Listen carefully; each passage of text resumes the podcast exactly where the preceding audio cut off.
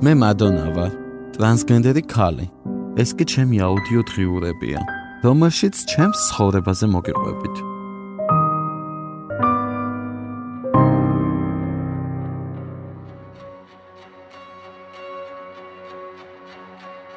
ქუჩაში ცხოვრება.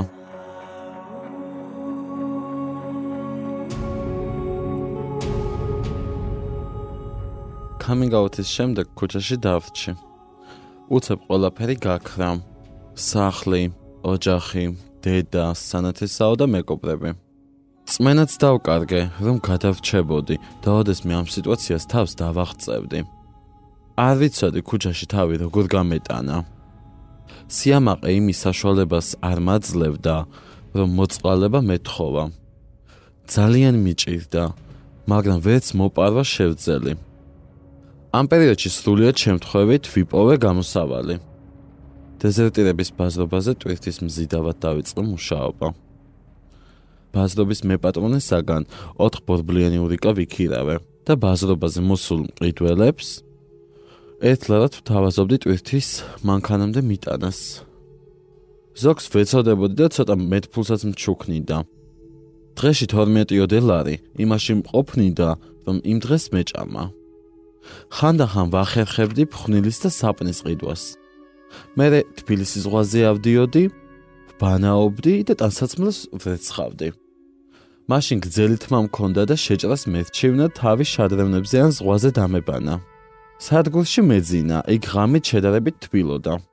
ხვდებოდი რომ ასეთი უბადრუკი ცხოვრებით არ უნდა მეცხოვრა. ამას ვერც ვერასდროს შევეგუებოდი, მაგრამ ჯერ თავი უნდა გადამერჩინა. სიცოცხლე ძალიან მინდოდა. ამიტომ ყველაფერი უნდა მეკადრა. ის სამუშაო მალევე მივატოვე. სხვა მუშებმა უწმაწოდე სიტყვების სახელი დამწეს, რადგან გოგოსავით ვიქცეოდი. ისინი კი ჩემს დანახვაზე იფურთხებოდნენ. მე შინოდა რომელიმე სამია დაეშავებინა. ქუჩაში ცხოვრება უფრო რთულია, როცა ტრანსგენდერი ხარ. და ამას ქუჩაში მცხოვრები ბიჭები ატყობენ. უფრო დიდ გულზე არიან ხოლმე. რომ დაგჩაგრონ და ასეც იყო. ყველაზე საშინელება მაშინ ხდებოდა, თუ სადმე ბნელ ადგილზე დამიგულებდნენ ხოლმე.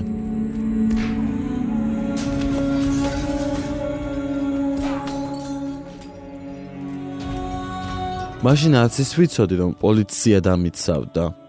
არც ის, რომ LGBT სათემო ორგანიზაციები არსებობდა. პოლიციას პირიქით ვემალებოდი, რადგან ვიცოდი, რომ თუ დამიჭერდნენ, სახლში დამაბრუნებდნენ, სადაც ჩემი ძმა უმოწყალოდ მცემდა. ან ბავშვთა სახლში დამაბრუნებდნენ. იქ ერთხელ უკვე ნამყოფი ვიყავი და იქაურობა მძულდა. ქუჩაში ცხოვრების ერთი დღე მახსოვს.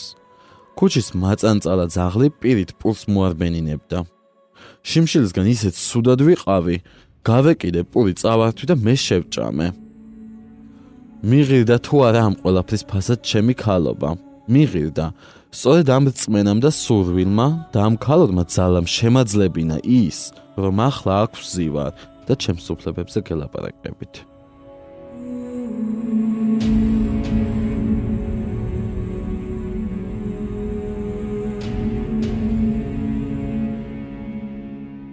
შემდეგ დღიურში მე ვილაპარაკებ სწავლაზე, როგორც გამოსავალზე.